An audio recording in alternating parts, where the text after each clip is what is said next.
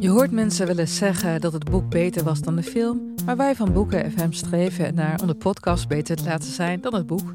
Wij lezen de klassiekers die je nog niet gelezen hebt. We lezen de boeken die je heel graag wil lezen, maar waar je eigenlijk voor schaamt om in het publiek mee gezien te worden. We lezen de Libris-winnaars. Uh, we praten over de Nobelprijslariaten. Allemaal zoals je een etentje hebt dat je moeiteloos mee kan praten en dat het lijkt alsof je helemaal belezen bent. Wij zijn Ellen, Joost en Charlotte van Boeken FM en je kunt ons luisteren in je favoriete podcast-app.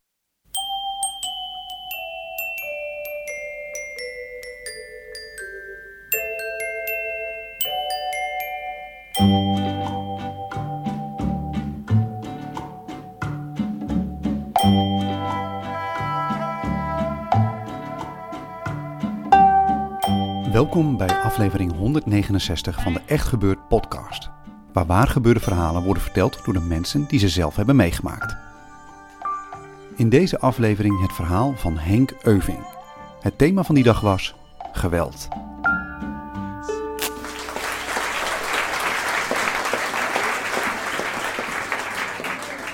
Veertig jaar geleden ben ik begonnen bij de politie in Den Haag.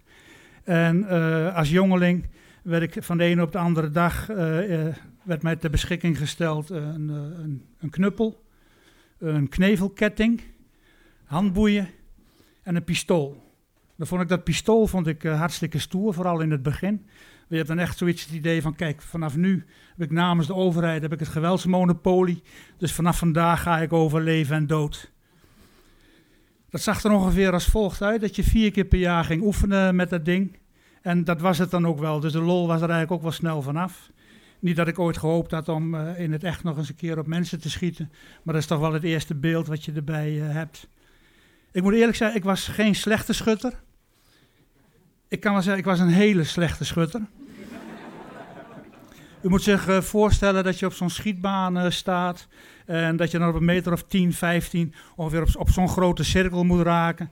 En ik, ik, moest echt mijn uiterste best doen om dat voor elkaar te krijgen. En het is uiteindelijk gelukt, want inmiddels ben ik dus al 40 jaar politieagent. En zo, als je dat niet kan, dan, uh, dan krijg je gewoon je diploma niet. Na verloop van tijd irriteerde me dat ding eigenlijk een beetje. Het hoort, het hoort er dan bij, maar je hebt er niks mee. Het enige wat je, dat je merkt dat je hem hebt, is als je ergens gaat zitten, ergens achter blijft haken. Of als je in een stoel gaat zitten, dat er allemaal krassen op die stoel komen. Of als je naar de wc gaat en je maakt je riem los, moet je heel erg uitkijken dat niet en het holster met het pistool van je riem afglipt. En dan misschien in de toiletpot uh, verdwijnt. Na een aantal jaren Den Haag ben ik naar uh, Flevoland gegaan, naar Lelystad. En uh, in Lelystad gebeurde in die tijd werkelijk helemaal niks. Dus ook de nachtdiensten die waren saai. En ik kan me nog een keer herinneren dat ik met een collega de polder in ben geweest. En we daar heel baldadig ons pistool hebben gepakt. En heel stiekem, voor zover je dat stiekem kunt doen, een keer in de lucht geschoten van, van ja, weet je... Je wil, dat, je wil dat toch ook wel eens een keer in het echt horen. En dat was mijn ervaring uh, met het pistool de Lelystadse jeugd uh, die werd uh, wat ouder, die werd wat vervelender. En de gemeente heeft toen besloten om een heuse discotheek er neer te zetten. Mystic heette dat ding, geloof ik. En het enige wat we da daarvan horen waren menige aangiftes, omdat de portiers die daar stonden hun werk wel heel serieus namen.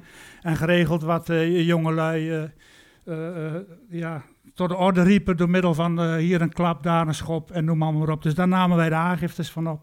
Totdat onze baas het ook wel zat was en zei dat wij vanaf een bepaald moment elk weekend, want alleen uh, Mystic was in de weekenden open, om elk weekend daar tegen sluitingstijd aanwezig te zijn om te voorkomen dat daar uh, ellende gebeurde. Een soort zichtbare aanwezigheid.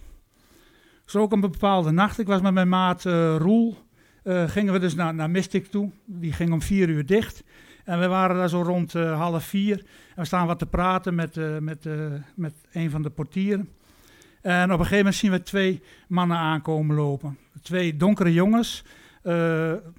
naar mijn beleving Indisch, Indische, Indische types, zeg maar even. Ik wil hier niet het, het, de schijn tegen krijgen dat ik hier etnisch aan het profileren ben. Maar het, was, het, leken Indische jongens en ik wil ze ook vanaf nu zo een beetje noemen, omdat ik ze niet bij naam ken, want dan had ik ze wel bij naam uh, genoemd. Deze, deze jongens, dat, waren geen Lelystadse jongens. Dit waren uh, gevoelsmatig waren dit foute jongens. Ze waren te goed gekleed. Eentje was 1,80 meter. Eén was 1,60 meter. Het waren sportschooljongens. En uh, die liepen ons ook zonder te verblikken of te verblozen. Liepen ze ook die discotheek. En ik zei gelijk al tegen Roel. Zei, Roel, dit is, dit is niet goed. Dit is, dit is niet goed. En Roel komt ook uit het noorden, dus die wist precies wat ik bedoelde. Maar het klopte natuurlijk ook niet. Het tijdstip deugde niet, want de discotheek zou elk moment dichtgaan. Deze jongens hoorden daar niet thuis en we hadden daar een wat rare gevoel uh, over. Op een gegeven moment gaat binnen gaat de verlichting aan en steken dat iedereen eruit moet. En ik zie nog zo'n Roel die staat achter me met een portier uh, te praten. Ik zie wat er zo allemaal naar buiten komt. En op een gegeven moment zie ik een, Surinaamse jongen, ik denk dat hij 1,95, 2 meter lang uh, was. Die loopt mij voorbij. En vlak daarachter, kom dan zeg maar even de, de kleine Indo die loopt er achteraan. Ik zie dat hij een pistool uit zijn, uit zijn uh, broekzak haalt of uit zijn jaszak haalt. En dat hij hem zo bij die lange Surinaamse jongen op zijn hoofd zet en zegt, en had je nu nog wat? Ik zie, dat, ik zie dat in een fractie, zie ik dat voor me. Ik zeg, Roel, heb godverdomme een pistool. Ook dat verstond Roel. En als in, een, als in een hele slechte film pakte ik zelf mijn pistool, zette hem bij die kleine, bij die kleine Indo op zijn hoofd en ik zei, laat vallen dat wapen. Een hele slechte film. en dat gaat allemaal in, in, een, in een fractie van een eh, paar uh, seconden. Ik zie dat de, de, de lange Surinaamse jongen, zeg maar even, die duikt weg. En de kleine Indo, die gaat in een soort van trage looppas gaat hij er vandoor. Ja, dat kunnen we natuurlijk niet hebben. Uh, een, een, vreemde jongen met een, uh, met een pistool ergens in onze wijk. Dus ik had het pistool toch al in de hand en ik besloot om een waarschuwingsschot te geven. Dus ik sta er, nou ja, het, geluid kende ik nog van die keer uit de polder. De jongelui om mij heen niet. Die doken gelijk alle kanten op. En ik zie op het moment dat ik schoot, draaide de, de, zeg maar even weer de, de kleine Indo, die draait zich om. Loopt op mij af met de armen uit elkaar en hij zegt, schiet maar. En op het moment dat hij dat zegt, gooit hij ook dat wapen weg. En je moet zich voorstellen, ja, dan, je kunt natuurlijk niet gaan schieten op een, op een ongewapend iemand, maar hij kwam wel op mij af. Dus onderwijl dat ik hem probeerde tegen te houden, moest dat wapen in het holster. En ik weet niet of, of u verstand heeft van wapens, ik nog steeds niet. Maar ik, ik weet wel dat uh, de, de, Walter, zo heette dat ding, die was altijd doorgeladen. En als je dan het eerste schot moest doen, dan moest je daar vrij veel kracht voor zetten. Maar bij de tweede is dat heel licht. En aangezien ik al een keer geschoten had, stond hij dus op, op het single action, noemen ze dat geloof ik. Dus er hoefde maar niks te gebeuren of dat schot zou afgaan. Dus ik moest dat wapen bergen, maar ik moest hem er ook van afhalen. En op dat moment hield ik hem tegen. En toen voelde ik al zo van, joh, daar moet ik ook niet mee vechten. Dat was een en al, een en al eh, spieren. En, en, ondertussen moest ik ook dat wapen uh, ontladen. Dus dat gaf ook nog weer een harde klik waarop hij nog boos werd. Hij zei, schiet maar, schiet maar. Nou, Roel had inmiddels uh, de assistentie-collega geroepen. En dat betekent dat het alle dienders uit de buurt te plaatsen komen naar het bedreigde gebied. Om je daar uh, te ontzetten. Nou, voor Lelystad betekende dat twee auto's met twee man. en terwijl ik uit, uit mijn linker ooghoek, dus vier collega's, inclusief Roel, op de, de kleine Indo proberen te springen. Komt de grotere Indo, komt er nog, die geeft die kleine een ontzettende knal. En waarom? Die zal waarschijnlijk wel niet op politie uh, zitten te wachten. Wat ze daar precies deden, wisten we ook niet. Maar daarvoor was hij te laat. En ik stond erbij en ik keek ernaar.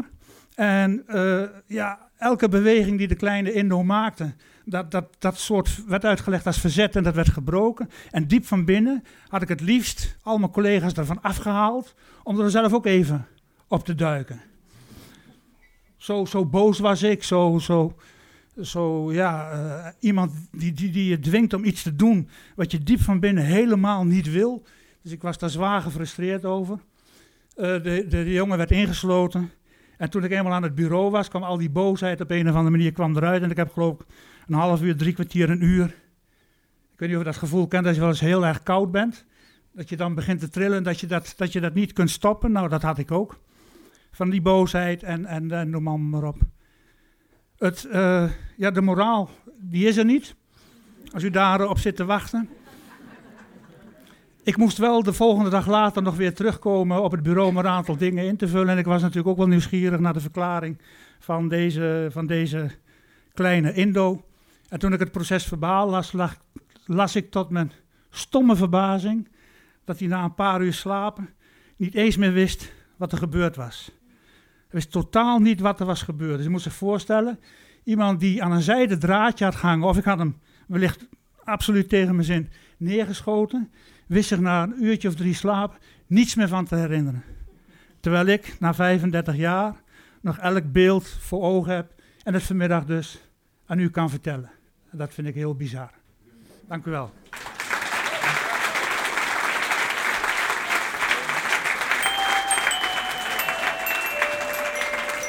Dat was het verhaal van Henk Euving. En mocht je Henk voor het eerst horen, heeft ook een geweldig verhaal over zijn tijd bij de ME. Dat is podcast nummer 135. En gebeurd wordt iedere derde zondag van de maand opgenomen in Toemler, onder het Hilton Hotel in Amsterdam. De komende aflevering is op 16 september. Het thema voor die dag is dan Duitsland. Heb jij een geweldig verhaal over je tijd als Berlijnse kraker? Of over je grote Duitse ex? Of ben je zelf Duitse die zich hier tussen de Hollanders staande probeert te houden? Mail ons dan op info.echtgebeurd.net. En ken je nou iemand met een geweldig verhaal? Dan mag je die ook verlinken. Geen enkel bezwaar. Ook alle tips kunnen bij info.echtgebeurd.net terecht. De redactie van Echt Gebeurd bestaat uit Micha Wertheim, Rosa van Toledo, Paulien Cornelissen en ikzelf, Maarten Westerveen. De techniek is in handen van Nicolaas Vrijman en Gijsbert van der Wal. Dat was het. En voor iedereen die het komende weekend uitgaat, probeer dat pistool nou in je broek te houden. Er is vast iemand die je dankbaar zal zijn.